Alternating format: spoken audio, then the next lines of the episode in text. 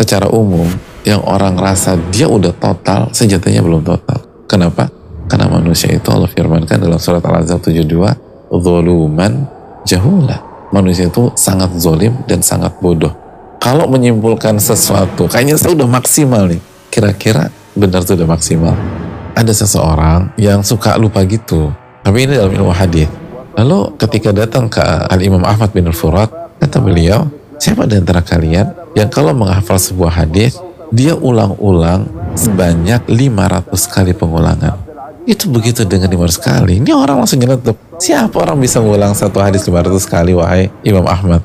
Kata beliau ya itulah sebabnya kalian nggak hafal-hafal. Ngulangnya nggak sampai 500 kali. Salah satu standar. Udah maksimal maka ngulang 500 kali. Menurut Imam Ahmad bin al-Furat kita baru ngafalin tujuh kali tobat-tobatan nasuha sebagian para ulama tuh minimum kalau ngafalin tuh diulang 20 kali. Jadi makanya kita nih terlalu cepat buat kesimpulan. Sudah optimal belum optimal. Jadi jangan berkecil hati juga. Terus asah asah